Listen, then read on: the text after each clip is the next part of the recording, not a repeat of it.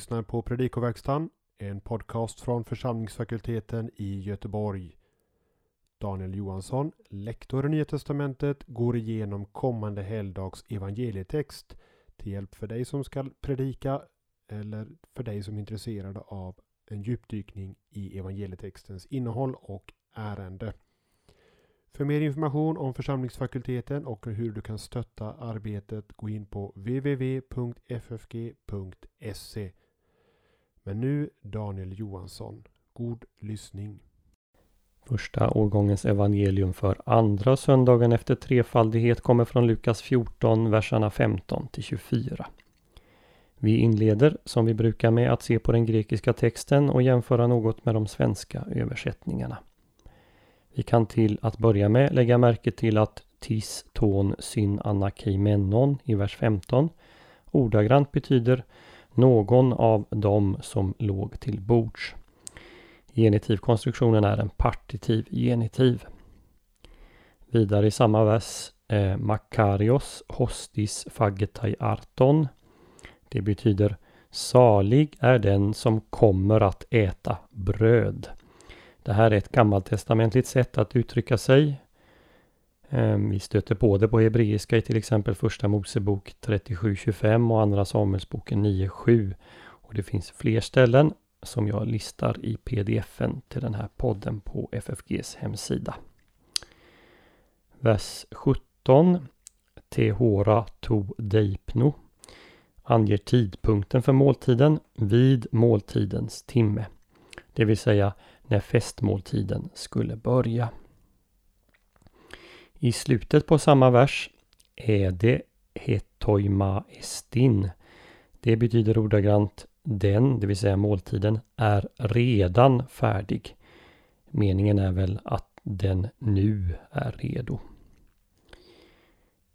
I vers 18 möter vi det något gåtfulla uttrycket apomias från en, där räkneordet ett eller en står i femininum.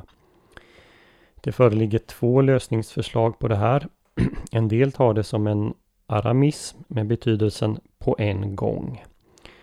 Andra tänker sig att det är en eh, ellipsis som underförstår antingen fonäs, röst eller gnomäs, åsikt. I det förra fallet skulle uttrycket betyda med en röst, det vill säga enhälligt. I det senare med en åsikt ömsesidigt. Förklarar vi det mot bakgrund av arameiskan så får vi de började alla genast ursäkta sig. Tar vi det som en grekisk ellipsissats blir det de började alla utan undantag ursäkta sig. De svenska översättningarna lämnar alla utan undantag så att säga uttrycket oöversatt. Heroto se eche med parate, eh, förlåt, paratemenon i slutet på vers 18 blir om man återger det ordagrant på svenska Jag ber dig håll mig ursäktad. I vers 19 indikerar presensformen av verbet porevomai att mannen redan är på väg att gå. Den följande infinitiven dock i Masai uttrycker syfte för att inspektera. Vi hoppar fram till vers 22. Gegonen H. Taxas blir ordagrant vad du befallde har skett.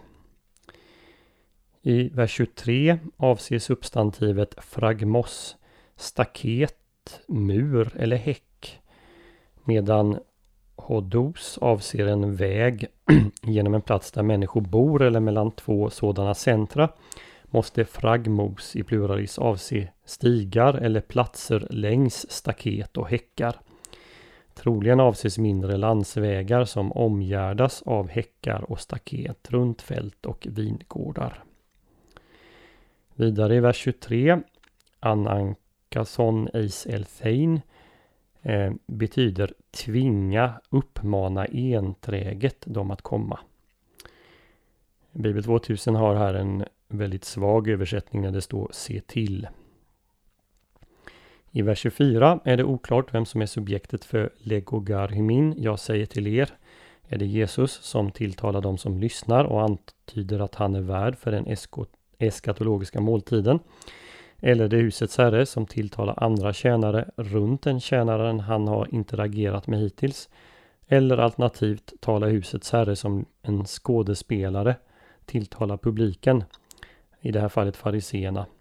Talar han till dem eh, som då Jesus adresserar genom liknelsen. Det enklaste är väl att ta det som att det är Jesus som talar själv till dem som lyssnar. Till sist Odeis ton andron ekeinon ton keklemenon. Ingen av de män som var kallade. Det översätts ordagrant av folkbibeln medan Bibel 2000 ger en lite friare översättning. Den här texten är den tredje och avslutande delen mm, av ett samtal som utspelar sig när Jesus på en sabbat är hembjuden till en farisé. 14.1 i Lukas evangeliet. Den första delen handlar om vad man får göra på sabbaten, den andra om hur man uppför sig när man blir bjuden till någon och denna tredje del om vilka som kommer att få delta i Guds rikes måltid. I alla tre fallen riktar Jesus varningar till eh, fariséerna eller de judiska ledarna.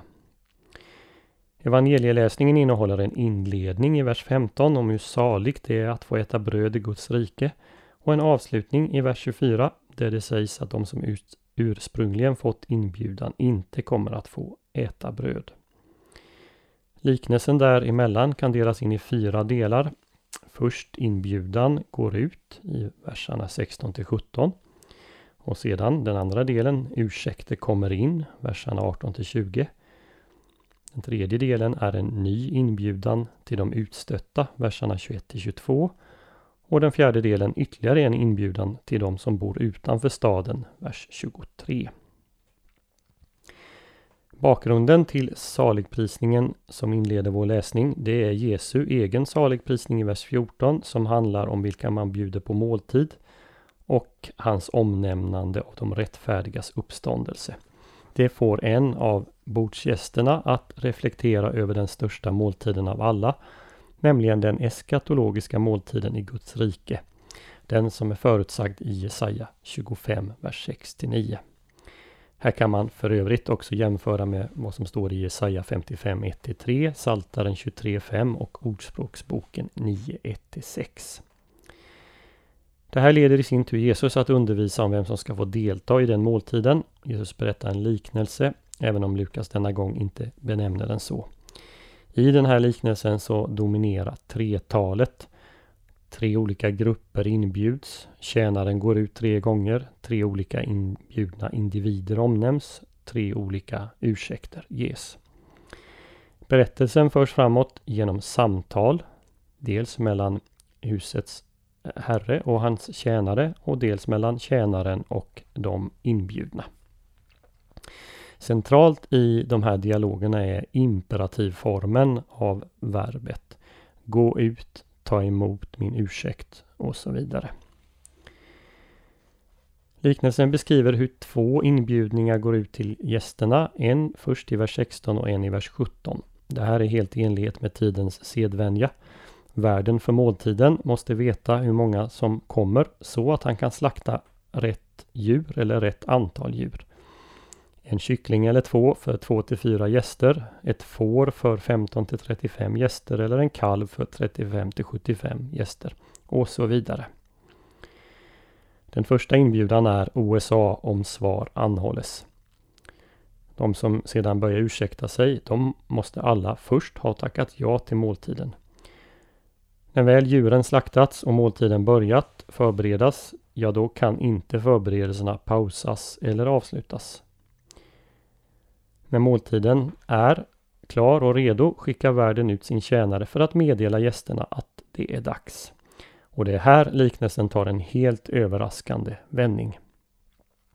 En efter en skickar de inbjudna gästerna tillbaka tjänaren med ursäkter som alla är att betrakta som falska och rent av förolämpande. Ingen köpte väl ett nytt stycke åkermark utan att först noggrant undersökte och förhandlat om dess pris under en lång tid. Och skulle det ändå händelsevis vara fallet så finns det ju inget som hindrar att man inspekterade dagen därpå. Marken springer liksom inte iväg. Samma sak med oxarna. Ingen köper fem par utan att först ha testkört dem. Mellan den första och den andra finns det en liten skillnad i ursäkten. Den första ber om ursäkt för att få gå.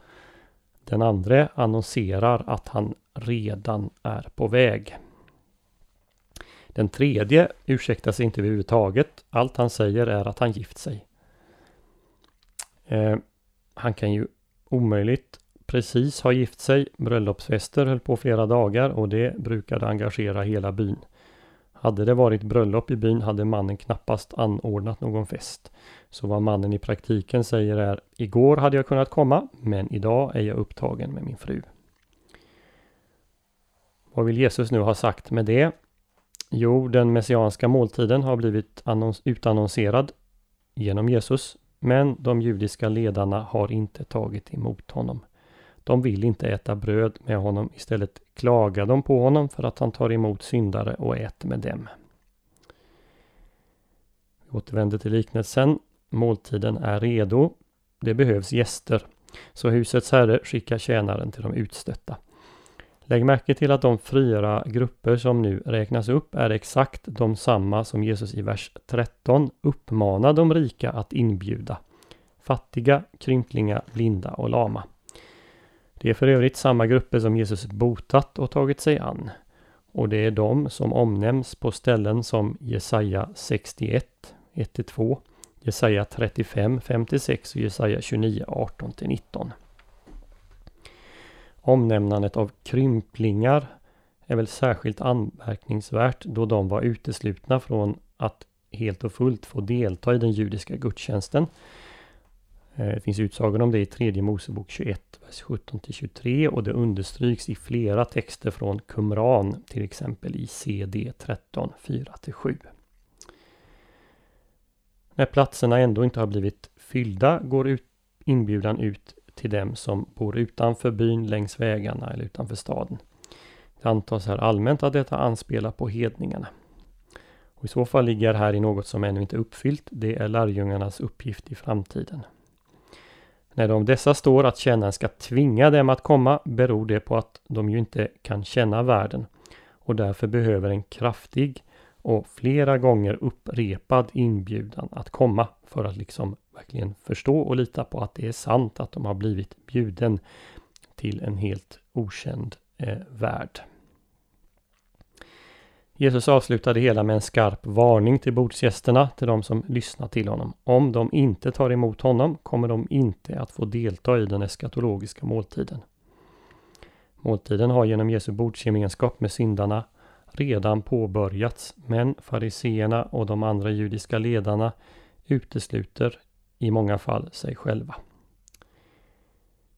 T.W. Manson har sagt följande mycket träffande ord om liknelsen och jag vill avsluta med ett längre citat. Jesus lär inte här en mekaniskt verkande predestination som från evighet bestämmer vem som ska och vem som inte ska komma in i riket. Men han proklamerar inte heller att människans ingång i riket är helt och hållet hennes egen sak. De två viktiga punkterna i hans undervisning är att ingen kan komma in i riket utan Guds inbjudan och att ingen blir kvar utanför utom genom sitt eget avsiktliga beslut. Människan kan inte frälsa sig själv, men hon kan fördöma sig själv. Tack för att du lyssnat. Vill du stödja Predikoverkstan och annan poddverksamhet från FFG? Ge en gåva till swishnummer 123 100 8457 ange FFG Podcast eller en bankgirogåva till nummer 622-5387.